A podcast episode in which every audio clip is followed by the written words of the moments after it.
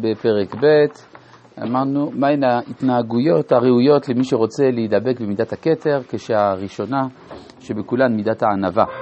לפיכך צריך כל אדם להרגיל לעצמו באלו המידות מעט מעט, והעיקרית שיתפוס, שהיא מפתח הכל, הענווה.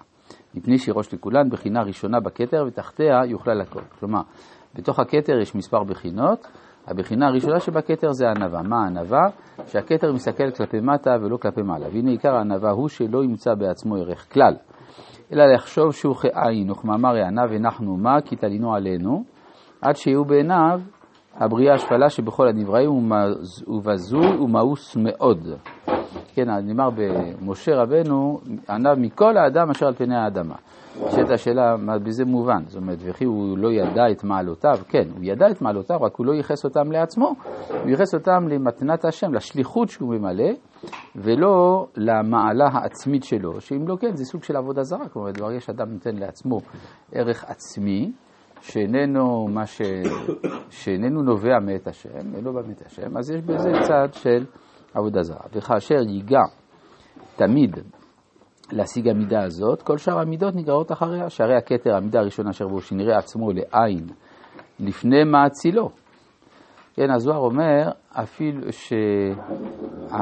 אפילו הכתר שהוא אור צח ומצוחצח, הוא חם הוא. מה זה הוא חם? שחור. לעומת כל העילות, עילת כל העילות. זאת אומרת, אה, כל אור, לעומת אור שמעליו, הוא חשוך. אז אפילו הכתר העליון, בכל זאת, לעומת האינסוף, הוא בטל. אז קל וחומר, בן בנו של קל וחומר, אנחנו. כך ישים האדם עצמו עין ממש ויחשוב היעדרו טוב מאוד מן מציאות, ובזה יהיה לנוכח המבזים אותו כאילו הדין עמהם, והוא הנבזה אשר עליו האשם. וזאת תהיה סיבת קניין המידות הטובות. אה, שימו לב למילה החשובה, כאילו. הוא לא אמר אה, שאדם צריך להחליט שהם צודקים. כן, יכול להיות שהם לא צודקים, המבזים אותו, אבל צריך להתנהג כאילו הם הצודקים.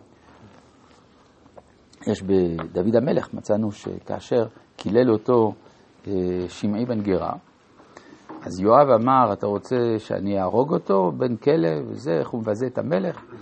אז אמר לו דוד, אה, תעזוב. למה תעזוב? השם אמר לו כלל.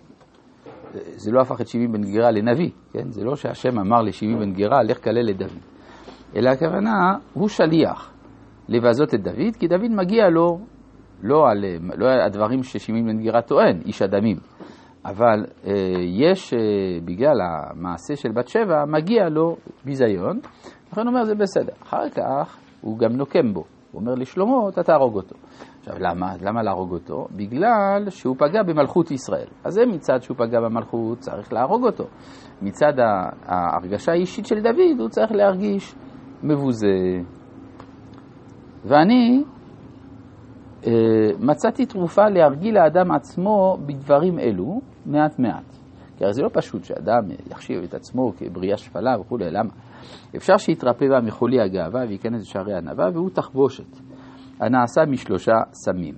אז תחבושת זה לא עיקר העניין, אבל זה עוזר, מה שנקרא. הראשונה, שירגיל עצמו להיות בורח מהכבוד כל מה שיוכל, שאם יתנהג שיכבדוהו בני אדם. יתלמד בהם על צד הגאווה ויתרצה הטבע תמיד בכך ובקושי יוכל להירפא.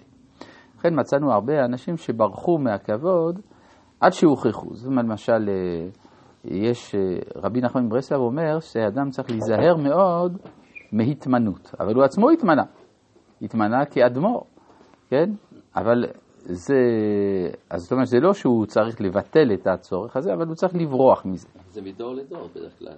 לפעמים זה, כן, דווקא אצל רבי נחמן זה לא, לא הלך מדור לדור. כן. השנייה, שירגיל מחשבתו לראות בביזיונו. ויאמר, אם היות שבני אדם אינם יודעים את גריעותי, מה לי מזה, וכי אני איני מכיר בעצמי שאני נבזה בכך וכך. זה הרב ציודה קוק בספר אור לנתיבתי, הוא דן בשאלה אה, מה יעשה אדם שמכבדים אותו והוא יודע שהכבוד הזה לא ראוי לו. כן? והוא יודע שהוא לא בסדר במשהו, כולם חושבים שהוא... זה אז... פורק מהכבוד. לא, אבל זה המידה הראשונה. מה עם המידה השנייה? המידה השנייה, שהוא יודע שיש לו משהו לא בסדר בקרבו, ואנשים לא יודעים, ולכן מכבדים אותו. לו היו יודעים, היו מבזים אותו. אז אה, אומר הרב ציודה, לפחות ישמח בזה שאנשים מעריכים את, ה, את מה שהם חושבים שיש לו. מצד זה, זה ראוי להערכה. כלומר, לא, לא צריך... אה, כן. כלומר, אנשים חושבים שהוא כזה צדיק. הוא לא צדיק, אבל לפחות אנשים מעריכים את הצדקות, אז יש לו לשמוח בזה שאנשים מעריכים את הצדקות, או כל דבר מהסוג הזה. וכי אני איני מכיר בעצמי שאני נבזה בכך וכך, אם בהיעדר הידיעה וחולשת היכולת וביזיון המאכל והפרש היוצא ממני וכיוצא, עד שיהיה נבזה בעיניו ממש, בעיניו נמאס. כלומר, יש גם כל מיני פונקציות ביולוגיות. אנחנו אה, עוברים תהליכי עיכול שמבזים את צלם אלוהים שבנו. אז גם מצד זה ראוי לאדם לחוש שהוא נבזה. השלישית, שיחשוב על עוונותיו, חוץ מזה שיה, שהוא בזוי, אבל יש גם עבירות שהוא עשה, תמיד, וירצה בטהרה ותוכחת וייסורים. ויאמר, מהם הייסורים היותר טובים שבעולם שלא יטרידוני מעבודת השם? אין חביב בכולם מאלו שיחרפו ויבזו ויגדפו. הרי אם אדם, נגיד, יש לו ייסורים של מחלה, חס ושלום, אז מחלה זה מונע ממנו לעבוד את השם. הוא לא יכול להתפלל, לא יכול ללמוד, חבל.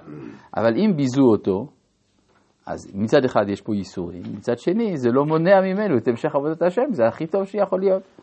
כן? נפש זה דבר לא פחות חמור מאשר הגוף. מה? ייסורי הנפש. כן, אבל אם הוא חושב, אבל זה לא ייסורים, למה? כי הוא חושב, הנה זה, הוא אומר זה מגיע לו, אז כיוון שזה מגיע לו, אז הוא מרוצה מזה, אז, אז, אז זה כבר פחות, כן? כן, בואו. שהרי לא ימנעו ממנו כוחו והונו בחולאים, ולא ימנעו אכילתו ומלבושו, ולא ימנעו חייו וחיי בניו במיתה.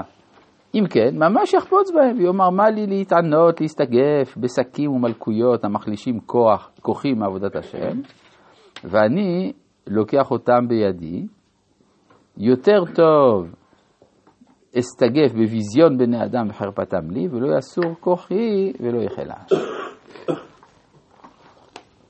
ובזה כשיבואו העלבונות עליו, ישמח בהם, ואדרבה יחפוץ בהם, ויעשה משלושת סמים אלו תחבושות לליבו, ויתלמד בזה כל ימיו.